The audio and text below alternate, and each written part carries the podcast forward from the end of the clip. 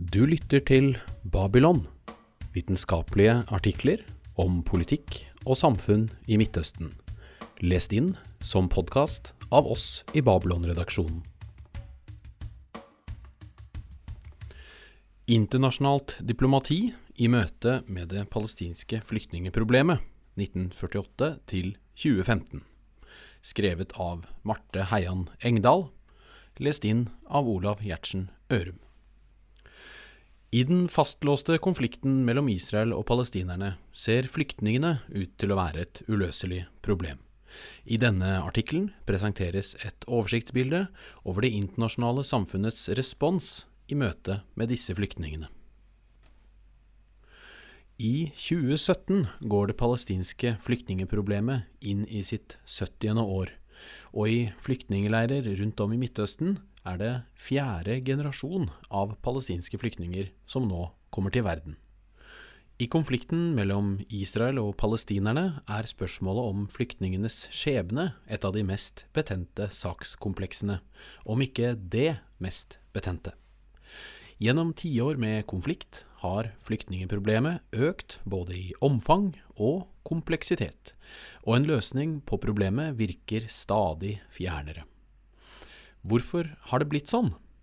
Hvordan har det internasjonale samfunnet forholdt seg til de palestinske flyktningene?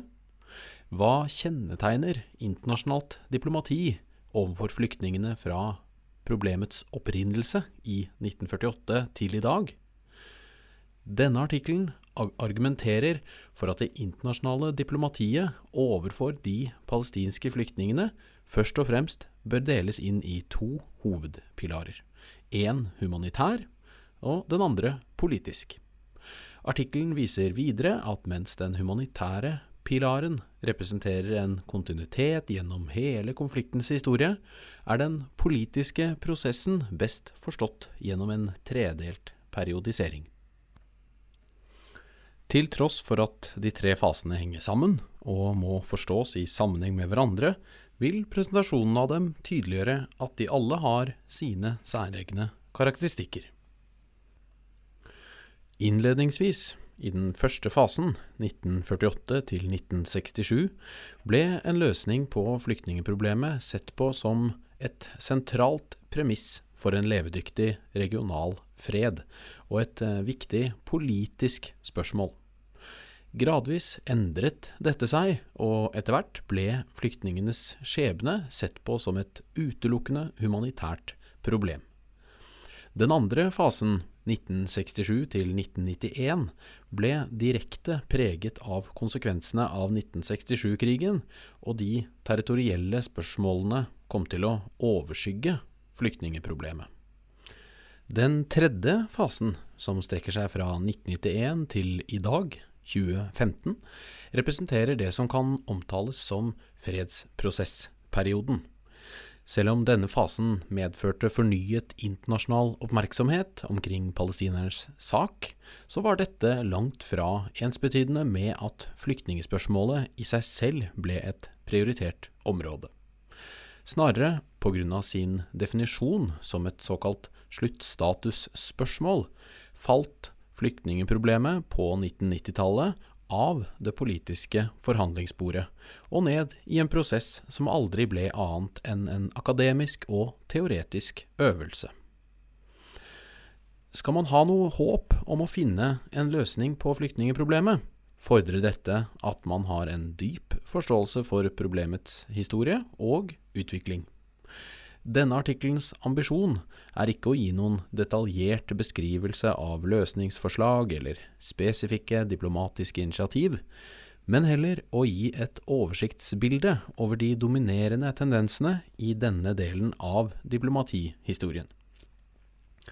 Et av artikkelens hovedpoeng er at det internasjonale diplomatiets to hovedpilarer må sees i sammenheng. Den humanitære pilarens vellykkethet er en del av forklaringen på den politiske prosessens mislykkethet.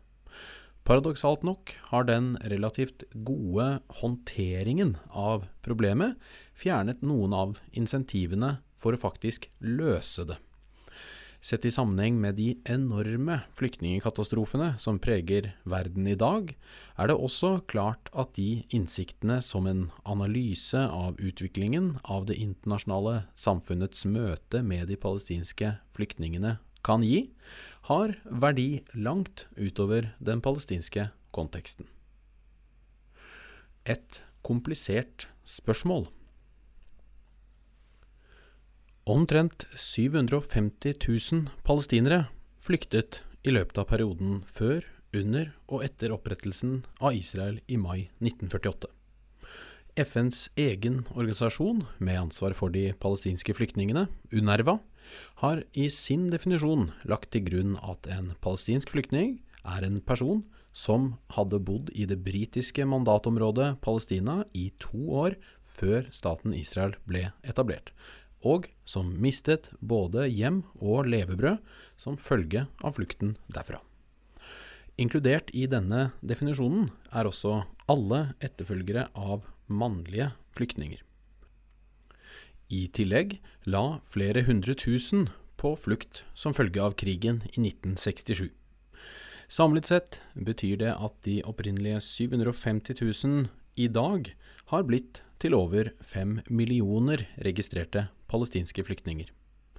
I tillegg til at problemet har vokst både i størrelse og omfang med årene, er flyktningens skjebne sentralt i konflikten, også fordi det har konsekvenser og betydning på så mange ulike nivå, fra individ via det lokale eller nasjonale til det regionale. Det berører kjernen av både det jødisk-israelske og palestinske samfunnets eh, kollektive identitet. Hvert år, når palestinerne minnes sin katastrofe, al-Nakba, feirer samtidig det jødisk-israelske samfunnet sin uavhengighet. Fortellingene om disse respektive historiske hendelsene, så viktig for begge folks selvforståelse og nasjonale identitet, er sammenvevd på mange måter. Historien om den palestinske flukten, fortalt og belagt i detalj av andre den israelske historikeren Benny Morris, utfordrer f.eks. den tradisjonelle sionistiske historiefortellingen om et land uten folk for et folk uten land, på en helt konkret og svært direkte måte. At opprettelsen av staten Israel, redningen for mange av verdens gjenlevende jøder etter holocaust, skulle være så nært knyttet til et annet folks exodus, slik som Morris' forskning viser, er vanskelig å akseptere for mange jødiske israelere. Frykten i det israelske samfunnet for at returnerende palestinere vil utgjøre en femtekolonne, og videre endre statens demografiske balanse, slik at jødene blir i mindretall, har også bidratt til å hardne Israels posisjon i spørsmålet. Flyktningspørsmålet er selvsagt ikke noe mindre sentralt i palestinsk kollektivt minne og identitet. For selv om flukten i 1948, geografisk sett, spredte palestinerne for alle vinder, bidro den samtidig til å samle dem, mer enn noen gang tidligere. Flyktningeproblemet spenner på tvers av geografiske, sosiale og politiske skillelinjer i et palestinsk samfunn som ellers er både fysisk og psykologisk splittet mellom Gazastripen, Vestbredden og innad i Israel. På aktørnivå er det selvsagt det mest sentrale stridsspørsmålet for alle de millioner av palestinere som i dag lever som flyktninger rundt omkring i regionen. I tillegg til de individuelle og nasjonale aspektene har problemet også regionale dimensjoner. De arabiske vertslandene, Libanon, Syria og Jordan, vil alle være direkte berørt av hvordan dette problemet løses eller ikke løses, og har derfor sine respektive nasjonale interesser å ivareta i spillet om flyktningene. Helt konkret bidrar lovløsheten i leirene hvor militsokrati er stadig mer utbredt som styresett, til at flyktningeproblemet også vil fortsette å være en destabiliserende faktor rundt om i regionen. Dette spiller inn i regimenes bekymring omkring den interne maktbalansen innad i statene og de sekteriske og etniske sammensetningene. Flyktningeproblemets kompleksitet illustrerer hvor vanskelig det er å finne en løsning på problemet, samtidig som det understreker hvor viktig en slik løsning vil være, om man skal kunne håpe på en levedyktig regional fred. To pilarer av internasjonalt diplomati.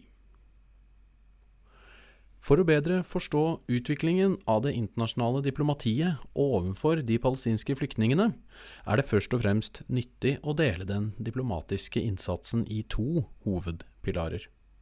Den første pilaren utgjør den humanitære delen av det internasjonale samfunnets diplomatiske innsats. Her har hovedfokuset vært å holde flyktningene i live og problemet under noenlunde kontroll. Med andre ord en håndtering, ikke løsning, av problemet. Mer spesifikt er denne pilaren preget av opprettelsen og opprettholdelsen av FNs organisasjon for de palestinske flyktningene, UNERVA. Den humanitære pilaren. UNERWA ble etablert i etterkant av krigen mellom Israel og araberstatene i 1948 gjennom FNs generalforsamling, resolusjon 302, vedtatt 8.12.1949 med et overveldende flertall. UNRWA hadde sin forløper i en nødhjelpsorganisasjon etablert av FN i november 1948, UNRPR, og organisasjonens jobb var å drive med sosialhjelp og arbeidsprogram direkte knyttet til flyktningene. Etableringen av Unerva må ses i lys av den kalde krigen og Vestens, spesielt USAs, frykt for den såkalte røde fare. Hundretusenvis av frustrerte, sinte og sultne flyktninger utgjorde fruktbar grunn for spredningen av kommunisme fra Sovjetunionen. Det ble derfor svært viktig å prøve å stogge flyktningenes sult og sinne før de vendte seg mot den vestlige ideologien. UNRWA ble altså etablert for å ta seg av den humanitære situasjonen, og var ment å være en midlertidig organisasjon.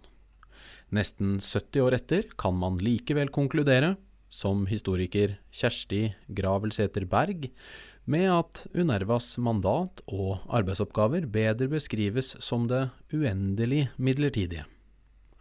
UNERVA har gjennom hele denne perioden blitt kritisert fra de fleste vinkler, fra flyktningene selv, araberstatene, Israel og donorsamfunnet.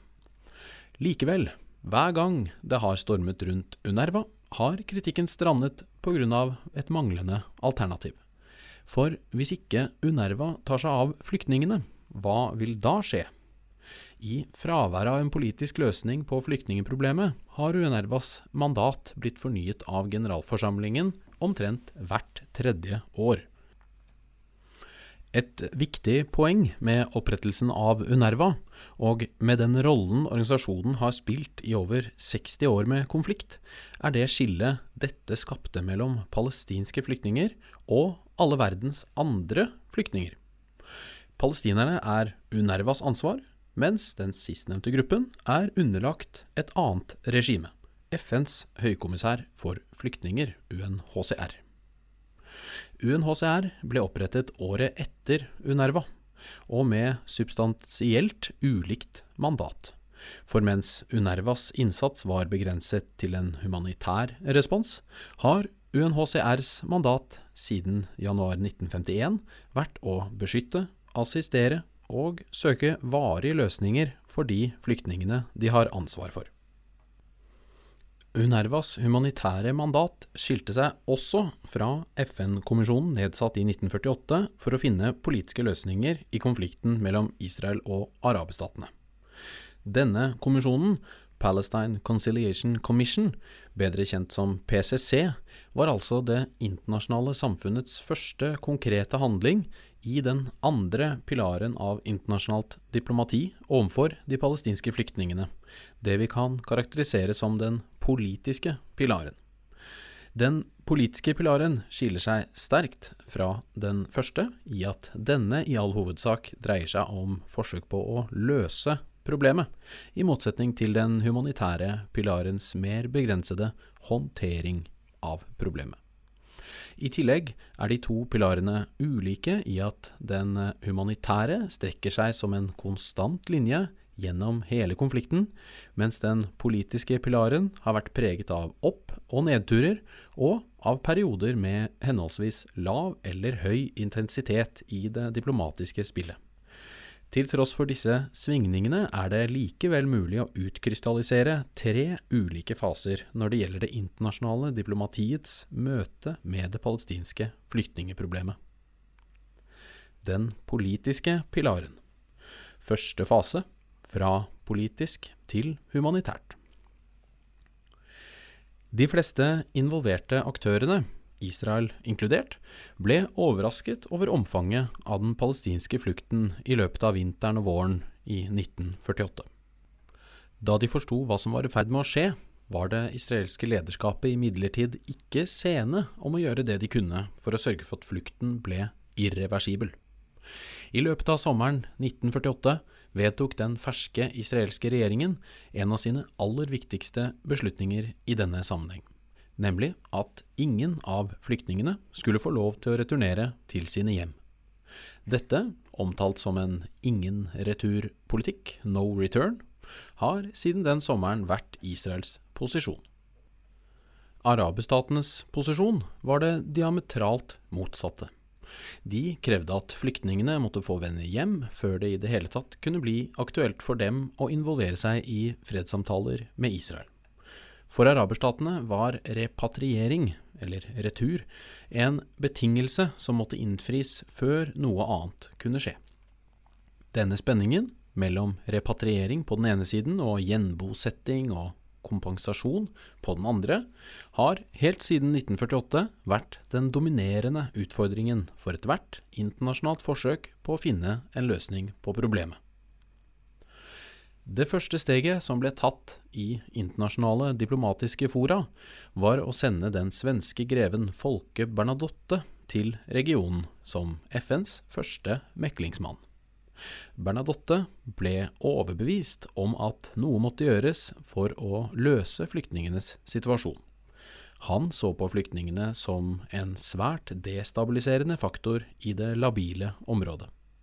Og selv om Bernadotte ble skutt og drept i Jerusalem allerede i september 1948, forble hans tankegods fra denne perioden sentralt i spørsmålet om det palestinske flyktningeproblemet. Hans anbefalinger ble formelt vedtatt av FNs generalforsamling i resolusjon 194 fra 11. desember i 1948. Resolusjonens paragraf 11 vedtok at de flyktningene som ønsket å returnere og leve i fred med sine naboer, skulle bli tillatt å gjøre så, så snart som mulig, og at kompensasjon skulle bli utbetalt for tap av eiendom til de som ikke valgte å returnere.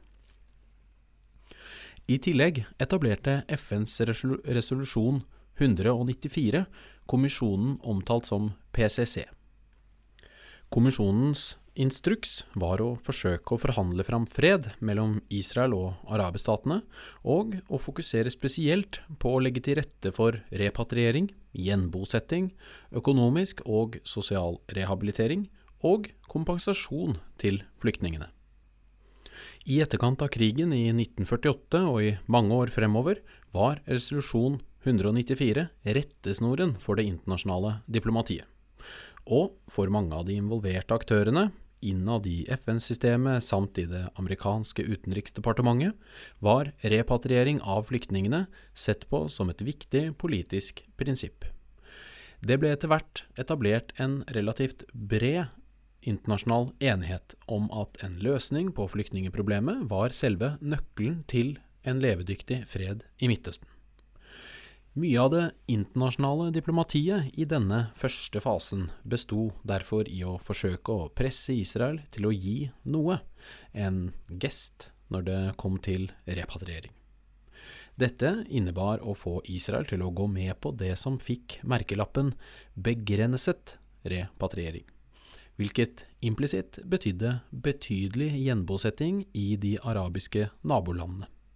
Men for Israel, hvis forhandlingsutgangspunkt var null repatriering, var selv begrenset retur for mye. Israels kompromissløse linje dirigerte utviklingen i spørsmålet om retur i Israels favør. Gradvis ble Israels posisjon definerende for hva de internasjonale aktørene vurderte som rimelig å forvente av Israel. I konsekvens ble derfor antallet for mulig returnerende flyktninger bare mindre og mindre. De endrede fakta på bakken, hvor jødiske immigranter bosatte seg i de forlatte palestinske hjemmene og landsbyene, med indirekte og direkte støtte fra staten, dro også i samme retning. For hver uke, måned og år som gikk, ble palestinske flyktningers retur sett på som mer og mer urealistisk. Denne utviklingen bidro til at selve forståelsen av flyktningeproblemet endret seg.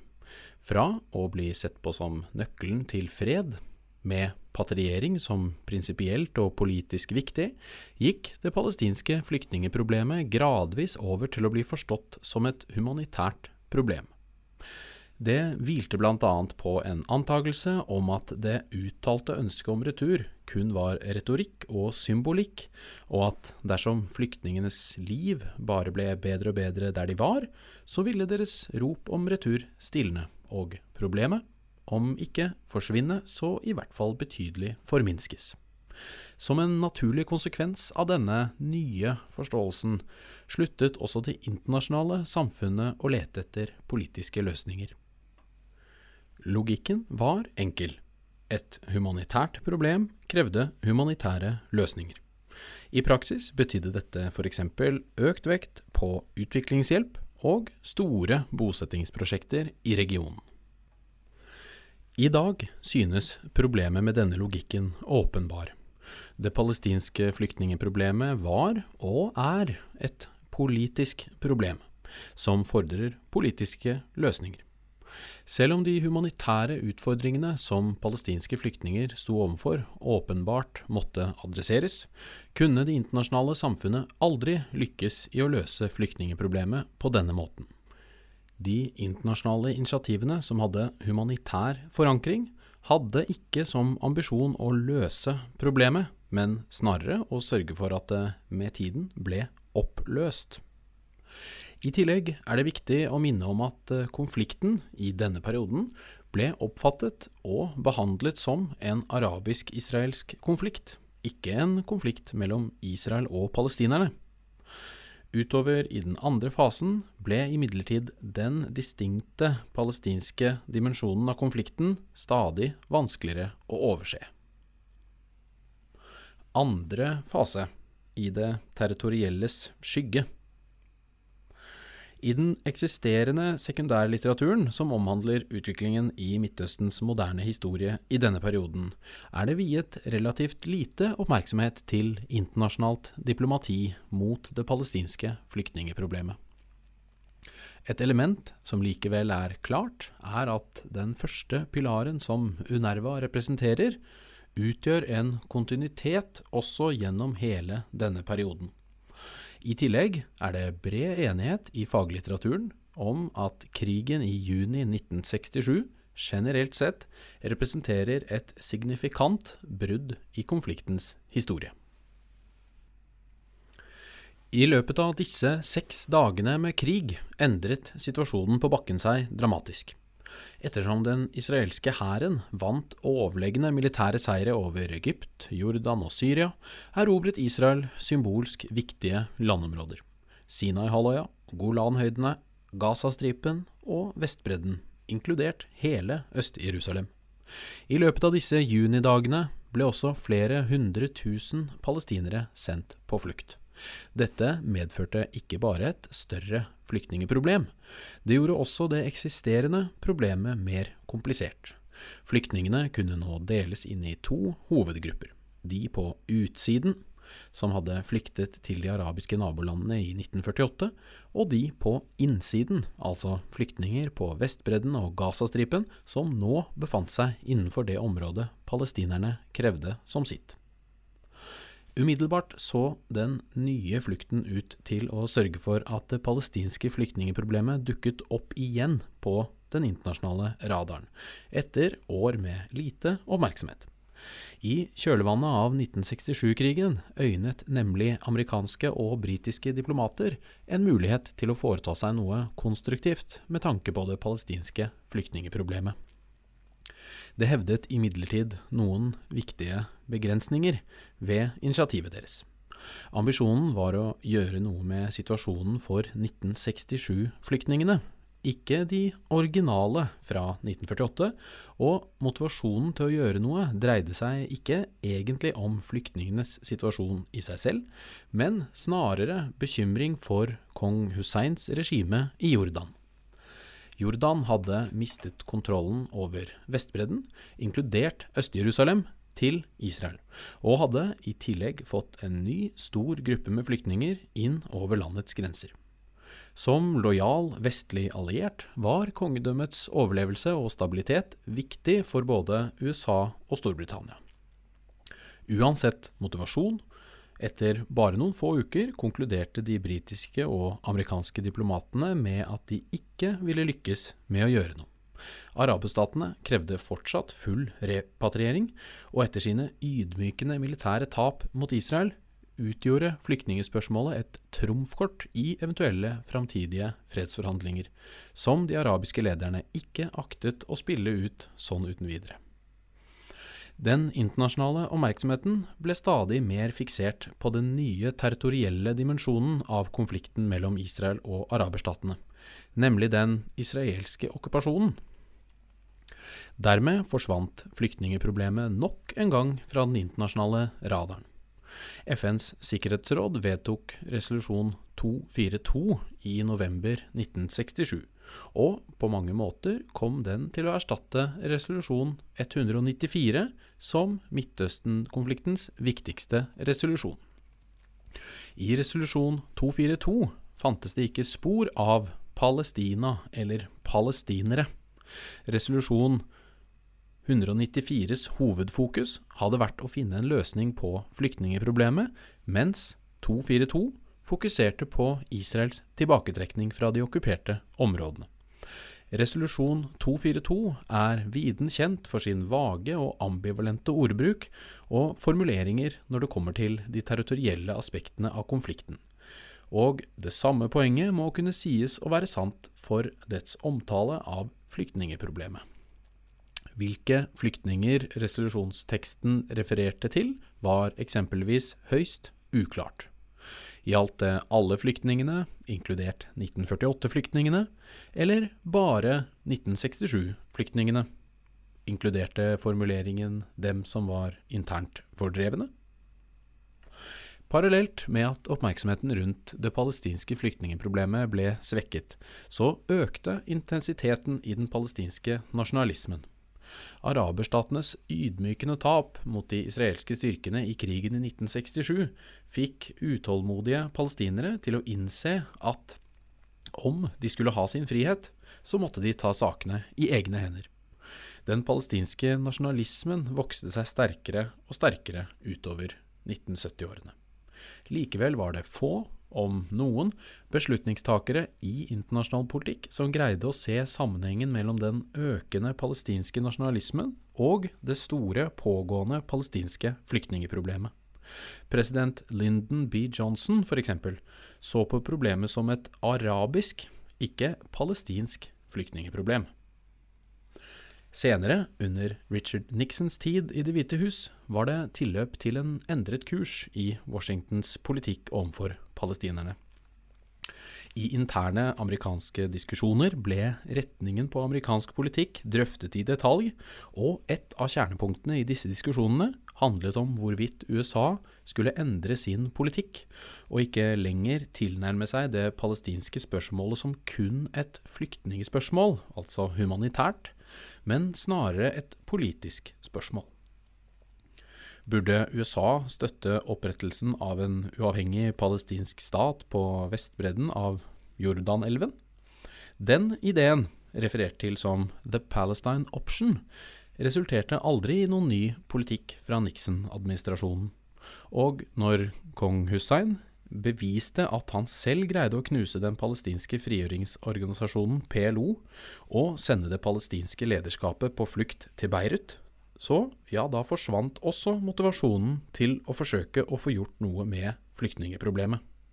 Nixon-administrasjonens diskusjoner om Palestina-alternativet er likevel interessante, fordi de representerer den første spede begynnelsen av en dreining i politikken, en slags motvillig forståelse av at det palestinske flyktningeproblemet faktisk hang tett sammen med den palestinske nasjonalistbevegelsens kamp for opprettelsen av en uavhengig palestinsk stat.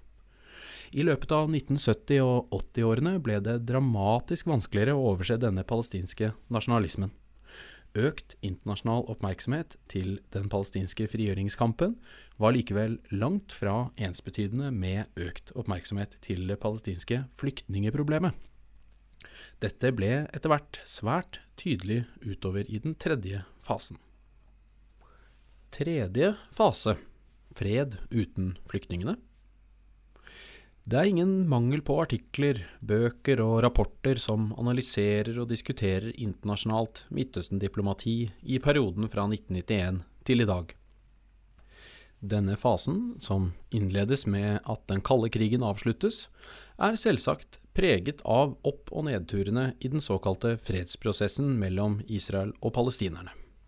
Denne eksisterende litteraturen er imidlertid, med enkelte unntak, basert på første- og andrehåndsberetninger, avis- og tidsskriftartikler, og deltakende aktørers uttalelser og memoarer.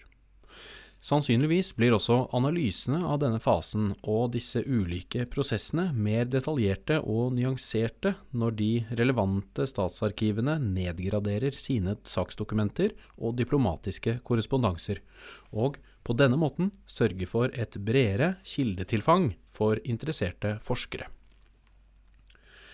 Med slutten på den kalde krigen økte USAs manøvreringsrom i Midtøsten betraktelig.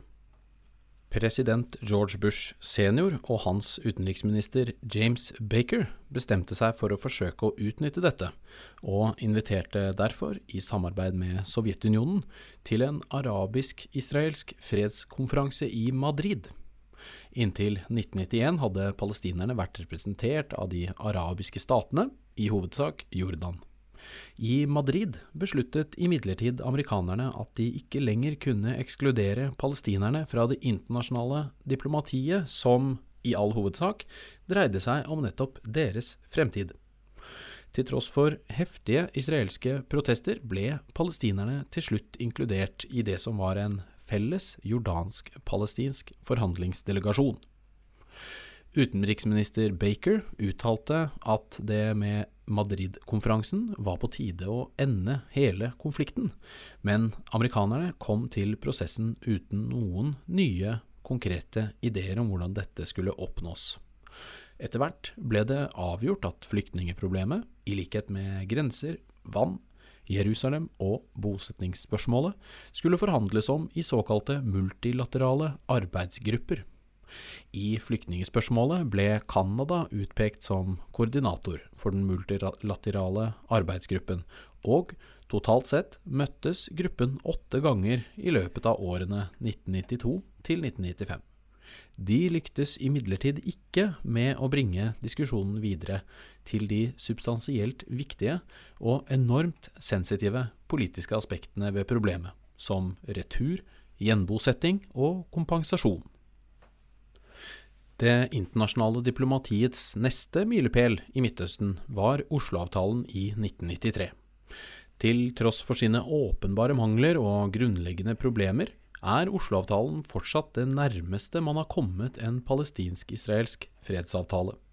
Likevel, Oslo-avtalen forholdt seg ikke til flyktningeproblemet, som i stedet ble definert som et såkalt sluttstatusspørsmål.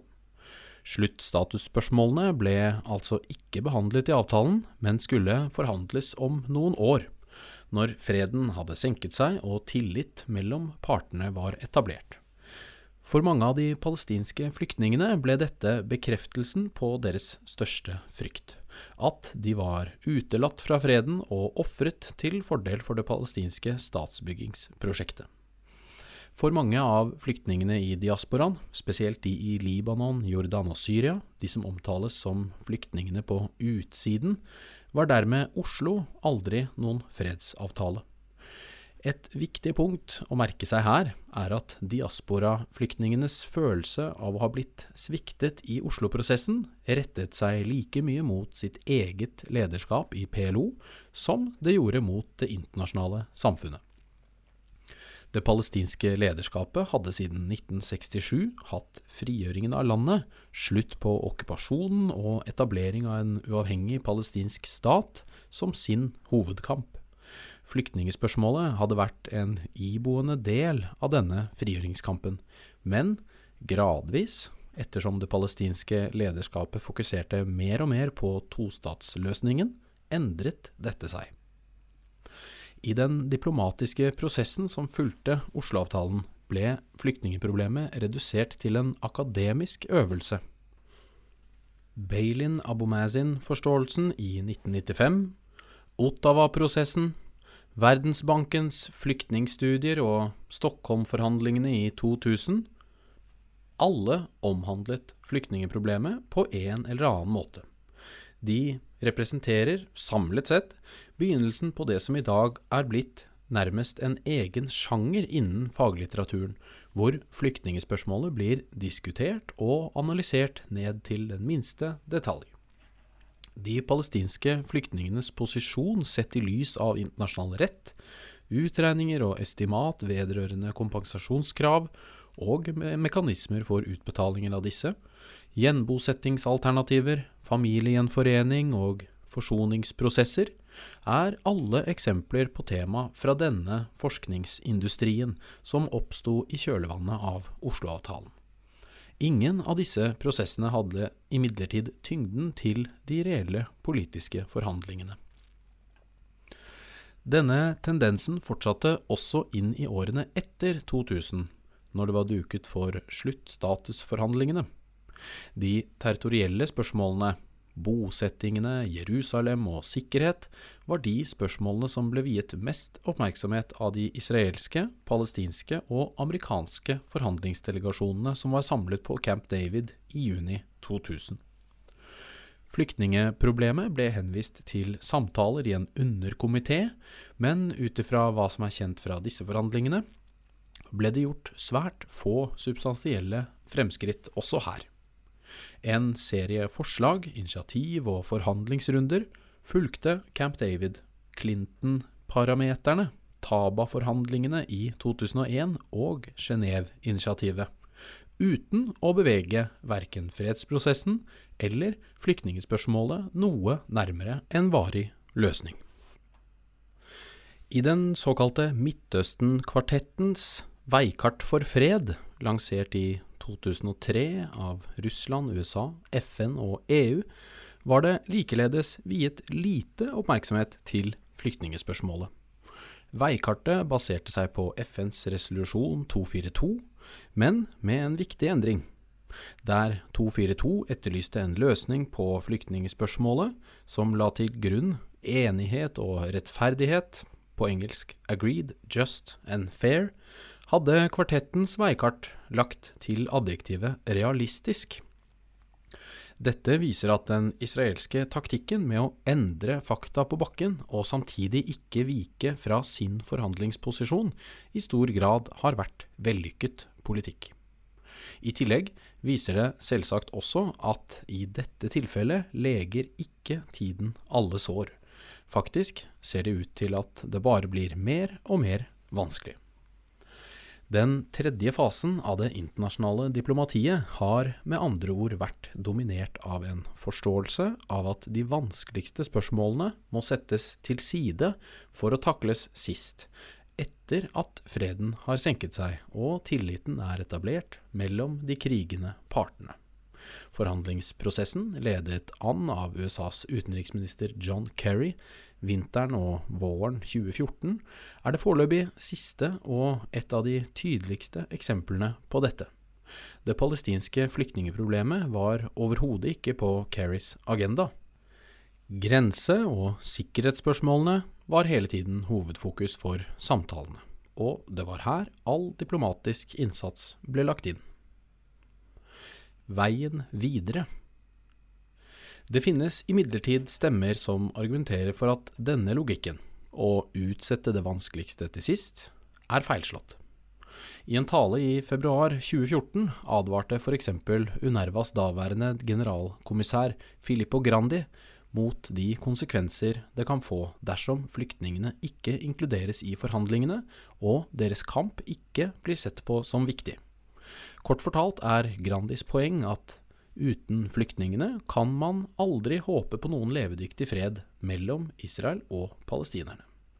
I motsatt fall i et scenario hvor dagens logikk fortsetter å prege den stagnerte forhandlingsprosessen, og de palestinske flyktningene fortsetter å være like marginaliserte som de er nå, er sannsynligheten for mer vold og økt radikalisme stor. Grandi er ikke alene om å advare mot denne utviklingen, og samlet sett kan man derfor si at dette representerer et forsøk på å gjenåpne det som omtales som 1948-porteføljen. I dette ligger det en forståelse av at det er problemene fra 1948, ikke 1967, som utgjør kjernen i konflikten mellom Israel og palestinerne. Ifølge denne logikken må altså det internasjonale diplomatiets kurs justeres på ny, og eventuelle nye forhandlinger må fokusere på å løse temaer som flyktningeproblemet. På sett og vis representerer dette med andre ord en retur til utgangspunktet, i det som denne artikkelen er omtalt som den første fasen, hvor problemet ble vurdert som et prinsipielt viktig politisk spørsmål som ikke kan overses om man skal ha håp om en levedyktig regional fred. Det er imidlertid flere grunner til å tvile på at dette tankegodset vil materialisere seg i en kursendring også i praksis. Situasjonen i dag er svært annerledes enn hva den var i 1948.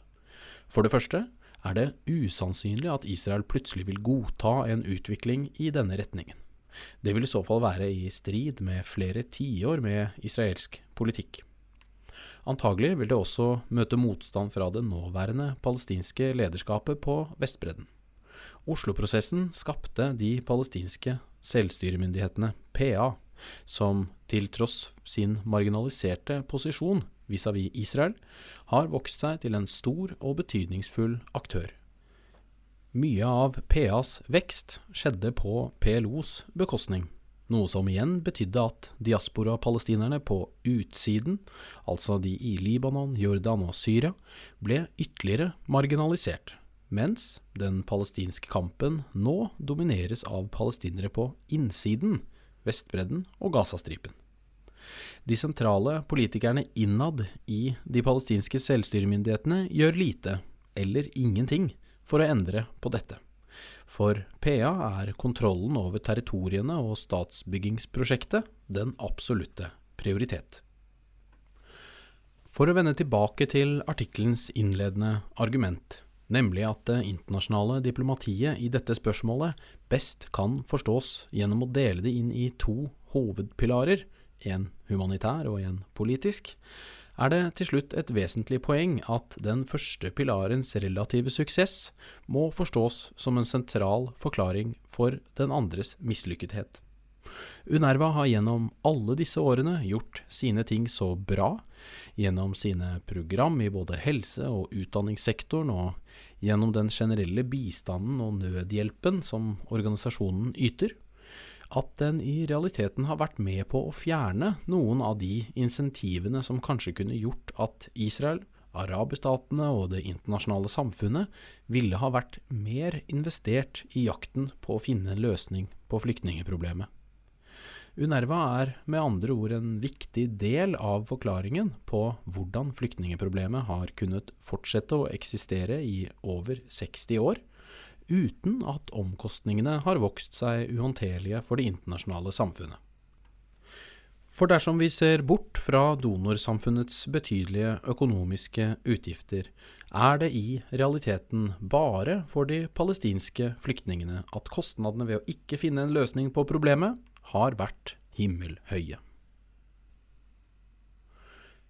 Du hørte Internasjonalt diplomati i møte med det palestinske flyktningeproblemet 1948 til 2015 av Marte Heian Engdahl. Innlest av Olav Gjertsen Ørum. Hvis du vil høre mer fra Babylon, så kan det være lurt å trykke på abonner. Da blir du varslet så fort en ny podkastepisode blir tilgjengelig. Det er også flere måter å få tak i den trykkede utgaven av Babylon, der du vil kunne finne relevante illustrasjoner og fotnoter som har blitt utelatt i lydsporet. Utgaven fås kjøpt i de fleste Narvesen-butikker, eller du kan bli abonnent via nettsida vår på tidsskriftet babylon.no. Da får du tidsskriftet rett hjem i postkassa. I tillegg er alle våre artikler tilgjengelig helt gratis som PDF på nettet. Takk for nå. Vi høres igjen snart.